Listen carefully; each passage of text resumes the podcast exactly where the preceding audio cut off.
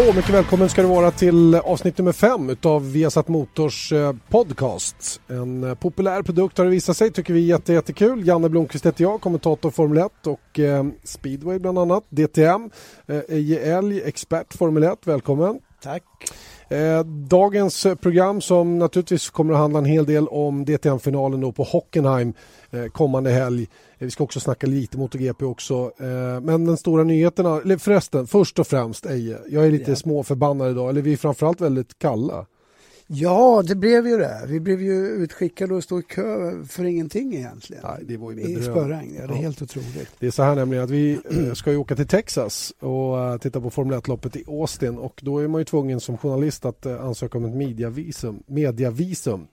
Och det här hade vi gjort enligt konstens alla regler och ställt oss i kö utanför amerikanska ambassaden. Hur länge stod vi? En och en halv timme ja. utanför. Ja, precis. Och sen skulle vi in och, och, och bli visiterade och det tog ju sin tid. Och sen framförallt för dig. Lite, ja, men du, jag hade ju till och med, vet du vad, jag hade sex stycken träskruv i fickan ja. som man funderar på.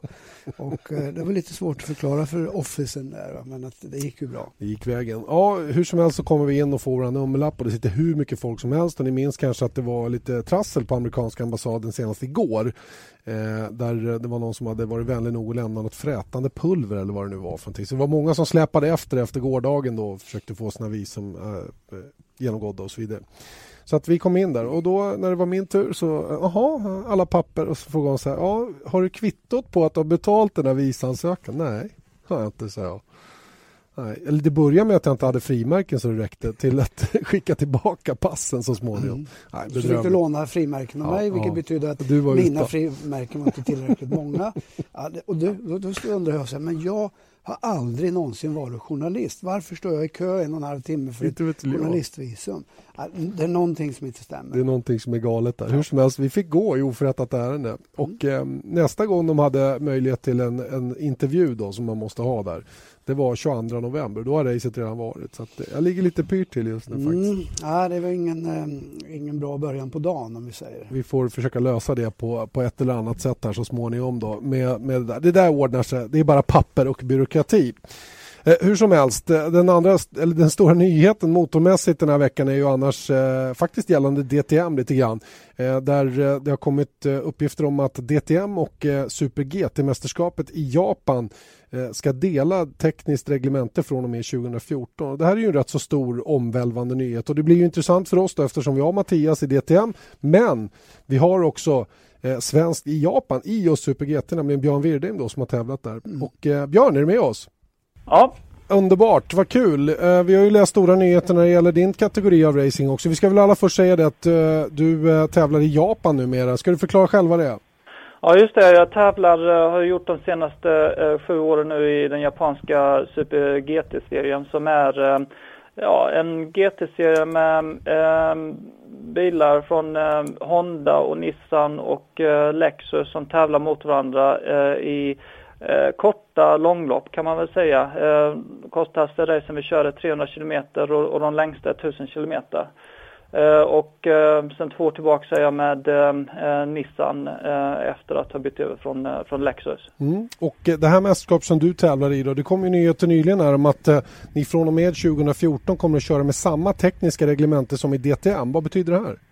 Ja, de här två serierna när det kommer till Eh, till bilarna så är de eh, rätt så eh, likvärdiga eh, redan eh, i nuläget. Eh, våra GT-bilar är ju i Japan är jäkligt avancerade med kolfibermonokock och med utveckling som pågår under hela säsongen, främst aerodynamiska paket som introduceras hela tiden. Så att det som skiljer serierna är väl formatet på racen till att börja med, att det är sprintracing i DTM och Ehm, I Japan så är det ju mer långlopp eh, där du delar bilar med en annan förare och eh, sen dessutom så eh, till skillnad från DTM så är det, pågår det ett däckskrig vilket i princip alltid har gjort i, Japan. vi har fyra däckstillverkare i Super GT i huvudklassen och ehm, ehm, det spelar in mycket på, på vilken performance du får ut av bilen. Så att Eh, det finns eh, eh, en del saker som skiljer serierna rätt så markant åt men jag tror att det är ett, steg i, rätt riktning och Det innebär att det öppnar för möjligheter för de japanska fabrikanterna att tävla i Europa på mer likvärdiga villkor och, och tvärtom naturligtvis. Björn Eje här. Eh, jag, eh, eh, jag såg en bild någonstans på, på startlinjen från Fuji Speedway, den långa rakan. Ja. Och jag, jag, kunde inte ens räkna så många bilar det var. Hur många är det som startar egentligen? Ja, det är ju i, GT-klassen i Japan så är det ju ja, det är två klasser. Um, det är GT 500 som är huvudklassen, det är där du har fabrikanterna och, och fabriksförarna Eh, och de tre eh, tillverkarna som jag nämnde tidigare. Och sen så, det är 15 bilar i, i den klassen, 30 förare totalt.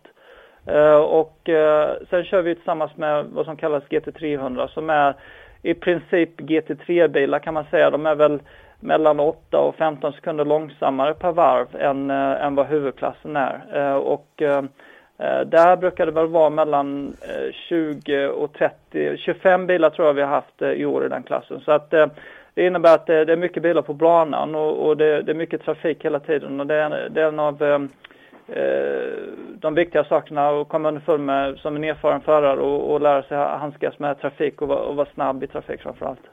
Du Björn, jag kommer ihåg mina egna år där borta när vi körde Grupp C som under en period var ohyggligt stark där borta. Ja. Eh, det här känns ju lite grann som att det ersätter då de gamla sportvagnarna. Är det lika populärt fortfarande med publik och, och tv och hela den där biten? Ja, eh, ja, ja det, det, är fortfarande oerhört populärt och speciellt GT-serien. Eh, det andra stora mästerskapet de har i Japan är Formula Nippon som eh, påminner om gamla Formel 3000. Ehm, men jag tror att i genomsnitt så Ja, på, det, på det, de bästa racen så har vi kanske uppemot 80 000 åskådare om du tittar på vårt wow. huvudrace på Suzuka. Och jag vet i Malaysia när vi tävlade där så hade vi mer publik än, än vad Formel 1 hade.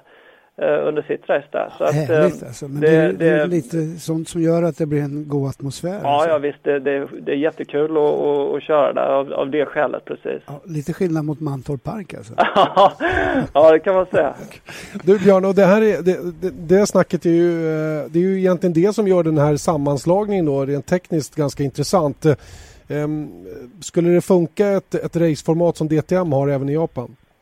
Ja, vi har experimenterat lite med det de senaste två åren. Eh, normalt sett kör vi nio race i mästerskapet eh, men eh, sen två år tillbaka så har de kortat det till åtta race. Sen har vi kört ett, en, extra, ja, en speciell racehelg då för att avsluta säsongen som går på Fuji varje år där vi kör sprintrace. Och, den ena föraren kör på lördag i, i lördagsgruppen och och den andra föraren kör på söndagen och då har vi kört, eh, det är väl samma format som DTM, 25 varv ungefär, sprintrace.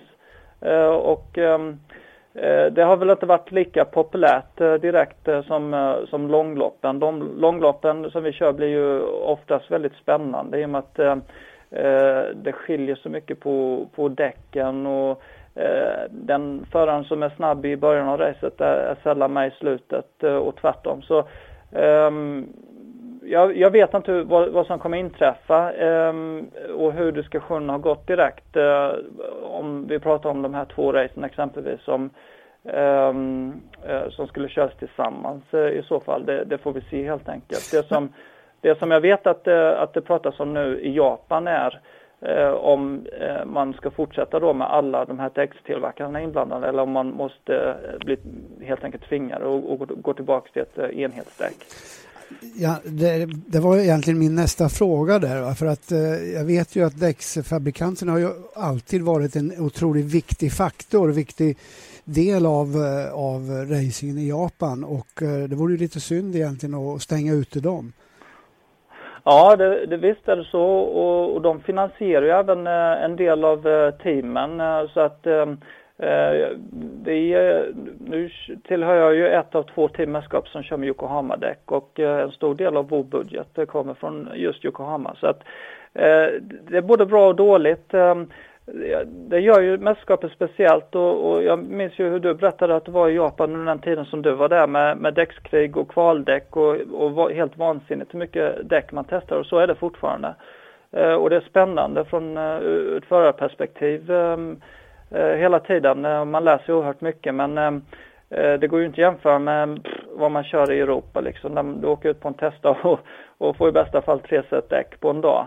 I Japan kan vi ju gå igenom en, ja, mellan 15 och 20 set på, på en dag sådär. Så att, eh, men samtidigt så är det ju som så, och det har vi märkt eh, i Super GT under de, de senaste två åren så har mästerskapet nu vunnits av eh, Ehm, en Michelin-bil eh, och de kör också bara två bilar i mästerskapet men de har varit helt outstanding år. Och, eh, om man då, eh, ja det trissas ju upp hela tiden så att eh, Michelin och Bridgestone är just nu oerhört eh, starka och vi har hamnar på bakfoten med Yokohama, det är svårt att ta in det försprånget. Så att naturligtvis hade jag önskat att, eh, att det skulle ha varit enhetsdäck istället i den situationen jag är nu men jag tror att hade jag exempelvis uh, kört för ett Bridgestone-team istället så hade jag nog varit rätt så nöjd med att, uh, att det hade fortsatt uh, som, som det. Man kan inte få allt Björn. Nej.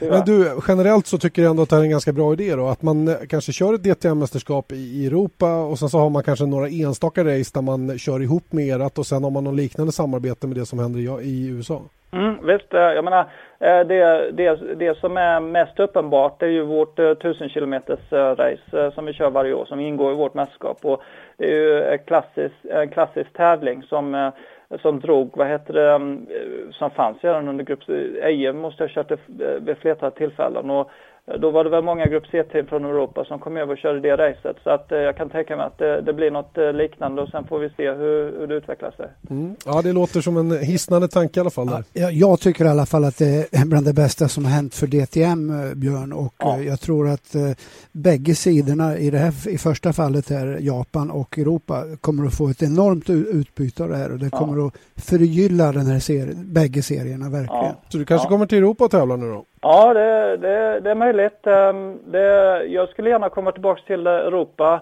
även om jag trivs väldigt väl i, i Japan. Ehm, eh, så att eh, vi får se. Ja, det, vet, vet, det finns ingen sushi här, eh, Björn. Det är det som är problemet. Ja, ja. ja, ja säger Du, hur mycket följer du Formel 1?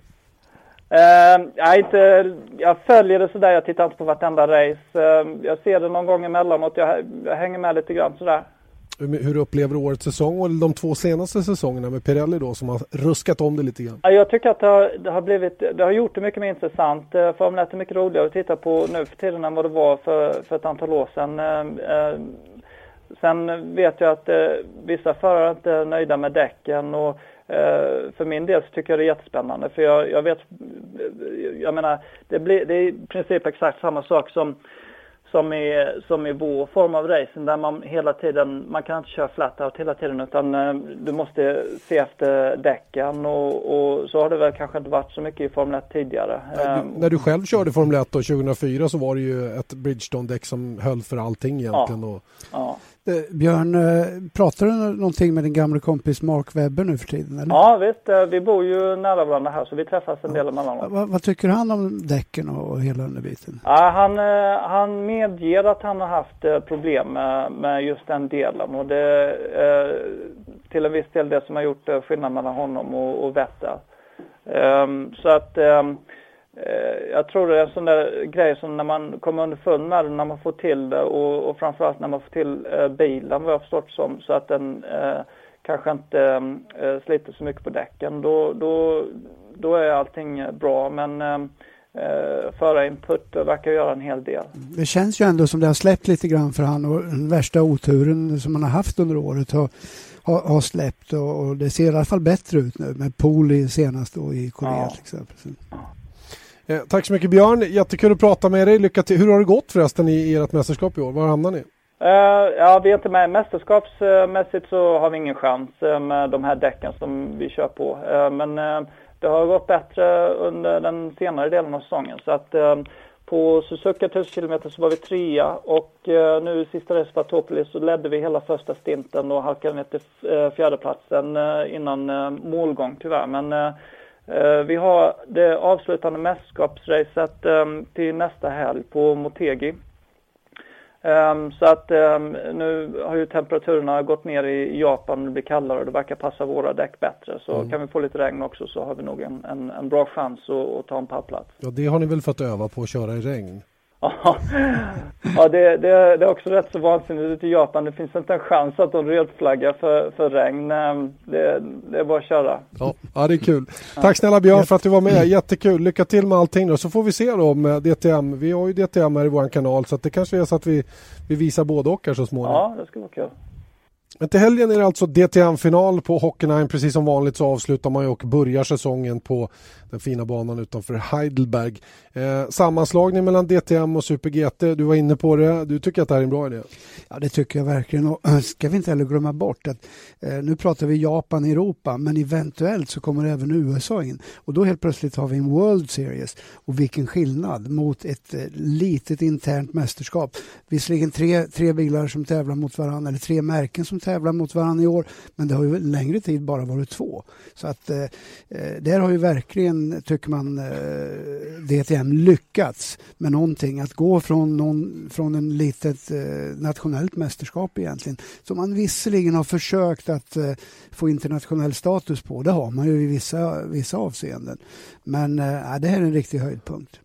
Ja, vi får väl se vad det blir utav det så småningom då. Det är ju inte, det är ju inte säkert att man kommer att köra totalt helt och hållet tillsammans. Det kanske blir några gästspel hos varandra och sådana saker. Men det är en kittlande tanke då att det här hänger ihop. Men det ger, det öppnar ändå förutsättningarna för team och, och jag kan nästan lova det att teamen kommer att sträva efter att så mycket som möjligt få ett utbyte med varandra. Och eh, sånt här är alltid stimulerande och det, det, kommer, det kommer att ge ett bra, bra effekt. Mm. Tänk dig DTM-teamet kör tusen kilometer på, på Fuji, det vore häftigt att se. Mm. Och vi, som en gammal klassiker som mm. kördes med Grupp C-bilar mm. på min tid och, och, det var ju det var ju alltid höjdpunkten på året då när alla de här som körde VM, hela VM-serien kom över med sina team och jag vet ju speciellt, vi hörde Björn prata lite om, om däck och regn och såna här saker och det är en helt annan typ av regn där borta.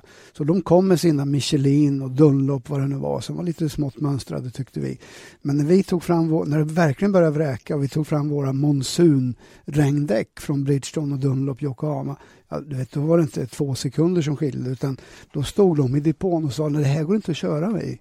Men japanerna rör flagga aldrig utan det var bara, det var bara att bita ihop och köra för, för dem också. Och I de lägena så hade de ju inte en chans. Alltså. Ja, fråga om förutsättningar kort och gott. Mm. Eh, förutsättningar ja, inför för helgen då. DTM-mästerskapet som alltså ska avgöras då. Bara tre poängs skillnad alltså mellan Gary Paffett och Bruno Spengler. Eh, Jamie Green finns ju med där bakom men han är väl långt bakom för att riktigt ha med det här att göra. Eh, lite beroende på naturligtvis hur det går för både Paffett och Spengler men, men eh, det känns som att de har varit så starka i år så att, att Jamie Green ska köra ikapp det där försprånget. Vad har han? Han har 18 poäng fram till Paffet va? Det, det, det, det är en väl stor uppgift känns det som. Ja, han säger ju själv att han inte har gett upp och att chans, så länge chansen finns och det där är ju en liten eh, typisk racerförarslogan men eh, innerst inne så är det nog, han är medveten om hur tufft det blir. Nej, alldeles korrekt, det står mellan Paffet och Spengler. Eh, vi såg ju Mercedes som var helt borta på Valencia. Det var faktiskt frapperande. Jag har aldrig sett något liknande. Ett märke vara så helt borta eh, med, med, eh, på en bana som, som Mercedes var eh, när man körde senast. Och, eh, det här kastade ju verkligen om allting. Eh, jag tror inte att vi kommer att få se något liknande på Hockenheim igen nu som, som vi hade sist där. Paffet som dessutom vann premiären. Ja, dels har de ju varit där och kört tidigare så de har ju med sig en bas-setup som de, som de känner till. Så att eh, det kommer vi inte få uppleva och eh, absolut inte att Mercedes eh, kommer att vara helt under isen. Det, det tror jag inte utan det kommer att bli en det kommer att bli en hård fight och eh, ytterst spännande naturligtvis. Och vilken avslutning. Fyra poäng som skiljer. Det kan bli eh, väldigt, väldigt intressant så småningom det när vi kommer så långt. Eh, vad tror du om Spenglers chanser? Ja, hörru du. Eh, rent förarmässigt så tror jag nog att han är kapabel till det och, och eh, så, så, det är inte det det handlar om utan det, det, kommer att handla om hur man får till bilen, hur man får den att passa och eh, jag känner nog att Paffet ändå har ett visst, eh, visst övertag. Men eh, som sagt var, BMW har överraskat och skulle de ta det här mästerskapet, ja, då är det en sensation eftersom, eftersom de, det är första året de är med. Jag pratade med Mattias, eller hade lite sms-kontakt med Mattias Ekström då, som hade pole när man körde premiären här. Eh, han sa att han hoppades på Paffet men han trodde att Spengler var den som skulle vinna för att BMW är en bättre bil menar han på. Ja, det är mycket möjligt att den är det. Och säger Mattias det så är den säkert det. Han som på nära håll kan studera den. Och det är de här små, små nyanserna som kanske inte se, se, syns ju från en tv-ruta eller från, från läktarplats. Men när du sitter i samma fart eh, två meter bakom, ja, då ser du de här små, små eh, nyanserna som gör, eh, gör att man kan värdera en bil på, på rätt sätt. Så att det är bara att lita på Mattias i det avseendet. Mm. Mattias som alltså är femma i mästerskapet och eh, krigar för att vara bästa Audi då, vilket får bli hans målsättning då med årets säsong. Har ju fortfarande Michael Rockenfeller framför sig men det skiljer bara fyra poäng dem emellan. Och, och jag vet att Mattias gillar Hockenheim och är snabb på Hockenheim. Visade inte minst det i premiären då där han tog pole och slutade på en tredje plats. Mm, det kommer nog bli hårt de två emellan för mm. att Rockenfeller är ju ingen duvunge heller, har ju oerhört med rutin. Och, eh, så det, det, det, ska bli en mycket intressant fight de två emellan. Mm. 13.35 eh, på lördag är det kval och 13.45 startar sändningen ifrån DTM lördag och söndag. Kval och race alltså alltihopa i TV10 med eftersändning då i Viasat Motor. Eh, vi ska inte glömma heller att man kör Formel 3 den här helgen där eh, Felix Rosenqvist eh, hade en bra helg senast i Valencia. Jättebra helg skulle jag säga. Han kvalade in tvåa i de båda långa racen. Eh, gofade bort det första racet genom att ställa framhjulen framför startlinjen och fick en drive-through och sen fick han en drive-through till och hela det första racet gick om intet. Eh, var med och slog som en pole position-plats i det racet i, i det här korta sprintracet då men lyckades som sagt få en bestraffning till så han blev bara 13. Och i andra racet startade han tvåa igen, tog starten och vann. Lätt. Eh, där hade han kunnat tagit väldigt, väldigt mycket poäng. Han har ju kapacitet för att upprepa och ta några segrar även på Hockenheim. Och eh, det är ju alltid skönt. Eh, jag tror inte att säsongen har blivit riktigt lika, så bra, lika bra som han hade hoppats på och som många hade hoppats på. Men eh, det är ju som vanligt att avsluta eh, bra är betydligt bättre än att börja bra. Och eh, framförallt framför allt inför eh, den oerhört viktiga tävlingen som går i Macao senare i november. Just det, som är eh, det som är kvar då höjdpunktsmässigt kan man väl säga då för eh, för killarna när det kommer så långt. Och, eh, ja, det, ska bli, det ska bli intressant att se. Ny, nyheten nu också på förmiddagen är, vi, kommer tillbaka till DTM, det är att David Kota lägger av. Helt. Tycker du att det är för tidigt? Nej, eller? det gör jag inte. Nej, men med tanke på som det har gått, jag, jag har förundrat mig varje gång jag tittat på DTM. Alltså att, hur är det bara möjligt alltså att han, han kan vara nöjd med att sitta långt bak? För han har o, o, Eh, men han ser inte missnöjd ut utan det ser ut som att han inte bryr sig egentligen och det är väl snarare det som är, har resulterat i att det inte har funkat för, för David Coulthard i, i DTM. Jag tycker att det var ett väldigt, väldigt bra beslut och det får du tolka hur du vill. Mm, jag gör det också. Vi säger uh, lycka till med, med fortsättningen då, David Coulthard som uh, har naturligtvis sin uh, sin eh, plats i, i Formel 1-depån ändå på, på ett eller annat sätt då, genom sina tv Eh, tv-uppdrag. Eh, en annan ex-Formel 1-förare finns ju där också, Ralf Schumacher. Och jag läst lite på Twitter att det finns en del som hoppas att Michael Schumacher nu ska ta en plats i DTM. Eh, det intressanta där är ju också att hans gamla ingenjör från Formel 1 och Ferrari, Chris Dyer, nu går över till BMW i DTM. Han har varit några år i V8 Supercars och då var det någon som gjorde den kopplingen ja, på en gång. Inte, inte, inte hittar vi Michael Schumacher i en, en BMW. BMW. Varför det, kan inte? Du... det trodde ingen när han gick till Mercedes från Ferrari heller. Okej, okej. Okay, okay. Men Mercedes var ju ändå eh, de som tog upp honom mm. ifrån de lägre mm. kategorierna. Relationen fanns menar Så den relationen fanns ju där. Ja, men vore det fräckt att se honom i en BMW med Chris Dyer. Klart, det är klart. Men, men ärligt talat, Janne, jag tycker inte att uh, jag menar, han, han, han valde att göra comeback här. Han kunde ha valt att gjort något annat. Han kunde till exempel ha gjort eller sportvagn eller DTM eller vad som helst. Han valde att gå hela vägen, gjorde comeback i, i Formel 1 och enligt min utsago så har han inte lyckats eh, med det så bra så att eh, jag tror inte han haft roligt. Och då ska han inte hålla på med det. Nej. Eh, vi, vi, vi lägger oss inte i det helt enkelt. Vi, han får väl göra vad han vill, eller på säga. Vi får väl se vad han tar vägen om han nu lägger av eller inte. Men det är kul att spekulera lite grann i alla fall och, och det kan ju starta en annan diskussion om det där. Um, vi kommer då tillbaka till, um, till F1-racet lite grann. Vi hörde i slutet på Björn Wirdheim-intervjun, han är god kompis med Mark Webber som, som har uh, haft lite bekymmer med däcken, de här Pirelli-däcken sen de kom in. Det såg vi inte minst förra året men kanske också upplevt det lite grann i år. Uh, det, och att det är det som är skillnaden mellan honom och Vettel. Uh, Eh, senast var han dock eh, snabbast utav dem och ehm, var den som hade pole position och eh, var med där fram och gjorde ett stabilt race även om han inte tog starten. Han har ju lyckats betydligt bättre nu på slutet än vad han gjorde, gjorde i början på året. Och ehm, Eh, du säger att han är snabbare. Ja, han kvalade bättre, men, men Vettel hade inget bra kval. Eller Q3 gick åt, åt skogen av någon anledning för hans del. Eh, om du frågar mig så har inte Webber den riktiga, riktiga farten i jämförelse med, med Vettel. Och det är det som eh, det är lite dilemma för honom. Men sen kan man naturligtvis spekulera i det här med däck. Vi hörde Björn Wirdheim säga att han, han har aldrig egentligen kommit över, riktigt bra överens med dem.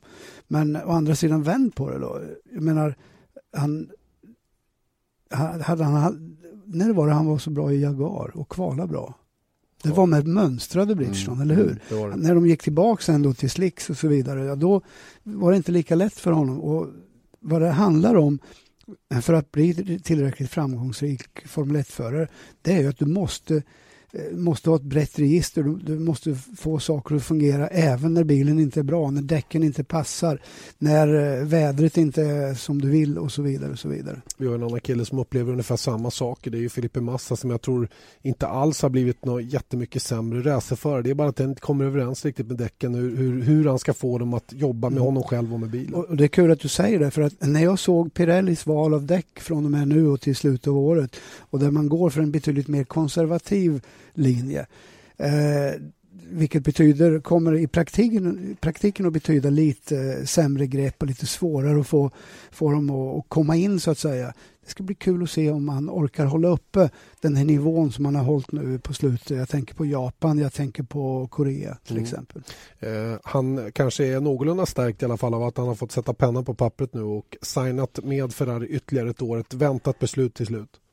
Ja, rimligtvis. Eh, åtminstone om det är i andra änden på din karriär. I, i nuläget så det absolut sämsta vore om man lutar sig tillbaka och tyckte att ja, nu har jag skrivit på så nu, får det bli som det blir. Va? Men eh, det tror jag inte. Nej, pressen är ju på honom igen till början på nästa säsong. För fortfarande är ju uppdraget att ta så mycket konstruktörspoäng som möjligt och backa upp Fernando Alonsos möjligheter precis hela tiden. Och det är ju, det är ju hans uppgift där, kort eh, Visst är det det. Nu tog de ju, tog de ju McLaren i, i mästerskapet och ligger tvåa och det mm. gör ju att det finns ju verkligen ett, äh, ett, ett stort krav från Ferrari att, att leverera. Så att äh, det ska bli kul att se. Och massa får bara ett år för att Sebastian Vettel kommer till Ferrari 2014. Jag påstår det.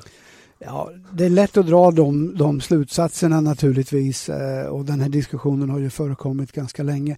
Men å andra sidan, eller jag, jag personligen tror inte att, att eh, Massa bara får ett år för att Vettel ska komma in utan jag tror han får ett år därför att han har fortfarande lite att bevisa. Mm.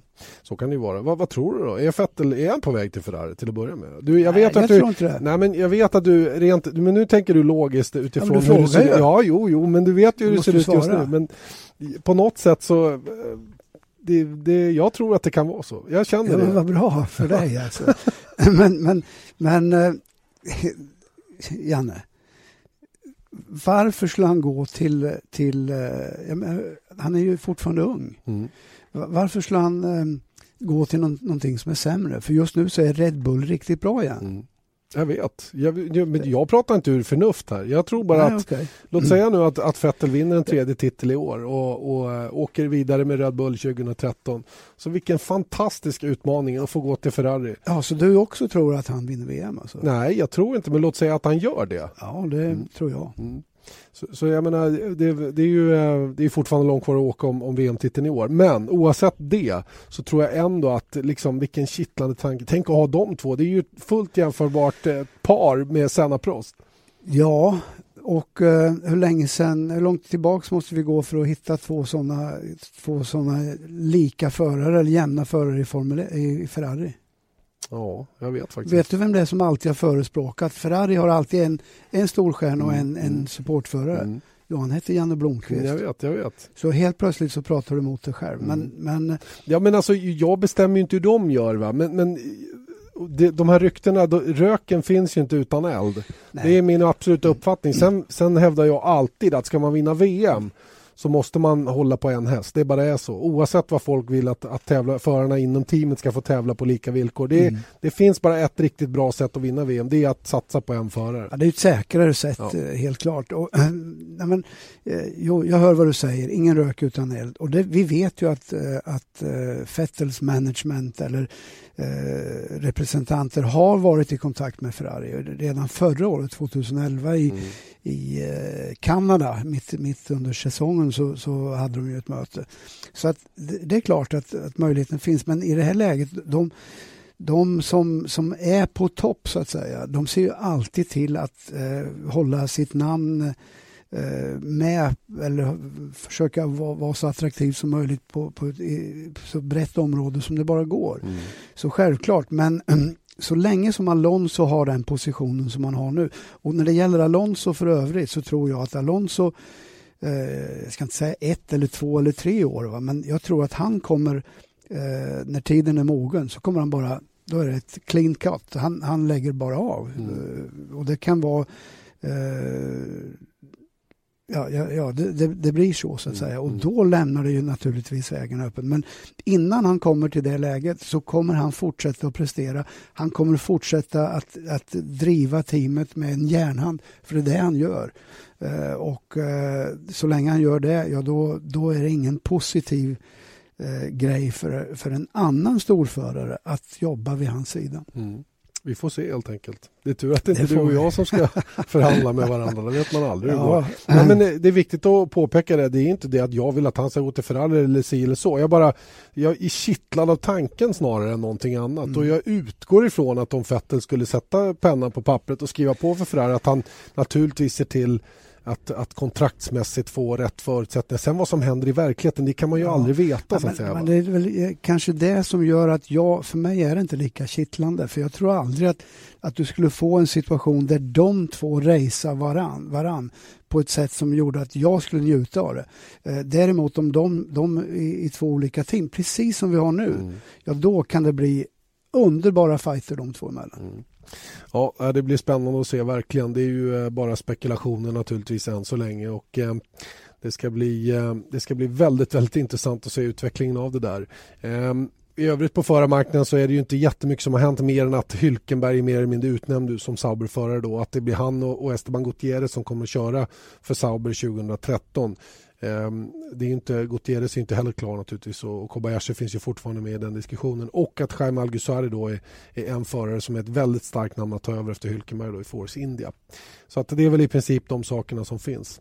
Ehm, ja, eh, det händer en hel del på motorsidan just nu. En, en, sak som inte har med oss att göra eller det vi sänder för närvarande tyvärr då får man väl ändå säga i VRC också med Ford som, som nu drar sig ur också ur VRC i alla fall med sin fabrikssatsning. När det är nya märken på väg in så hoppar Ford av och det är ju naturligtvis en tråkig utveckling där också. VRC som definitivt behöver lite kraft och lite fart för att få ordning på det där mästerskapet nu när dessutom Sebastian Loeb har bestämt sig för att inte köra full säsong nästa år.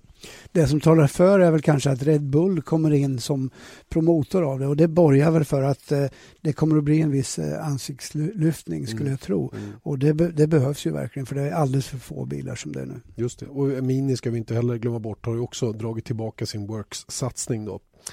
Eh, ja, det får väl eh, vara det som gäller just nu. Då. Vi ska väl också eh, påminna om MotoGP-racet som går i helgen. De kör ju eh, nattföreställning även kommande helg. Det är Malaysias Grand Prix som gäller i MotoGP eh, och eh, det fortsätter ju vara spännande där också såklart med Danny Pedrosa och Jorge Lorenzo, då, två spanjorer som framförallt då gör upp om VM-titeln så som det ser ut. Fredag morgon 07.10 drar de igång med träningarna ifrån Malaysia och jag tror att första sändning på lördag morgon är 06.55 och sen är det 06.45 som gäller. Förlåt, jag är alldeles ute och cyklar. Det är 04.00 som gäller både fredag, natten mot fredag och natten mot lördag. Så är det. 04.00. Så att, men eh, allra bäst är att gå in på viasat.se sport. Där finns våra tablåer och där hittar man alla tider som gäller för helgen. Både när det gäller DTM, när det gäller Formel 3 och när det gäller MotoGP och Nascar. Okay. Frågor på det? Nej, inga frågor på det. Men däremot så tänkte jag gärna nu när vi är klara med det här, är det inte lika bra att vi åker ut till Djurgården och börjar köa utanför det här förslaget på en gång? Ska vi ta tält? Slipper vi det? Du har väl något gammalt Dakar-tält vi kan använda? jag har sovsäck, jag har dubbelt. Perfekt, då fixar vi det. Hörni, väl möts nästa vecka med en ny podcast ifrån Viasat.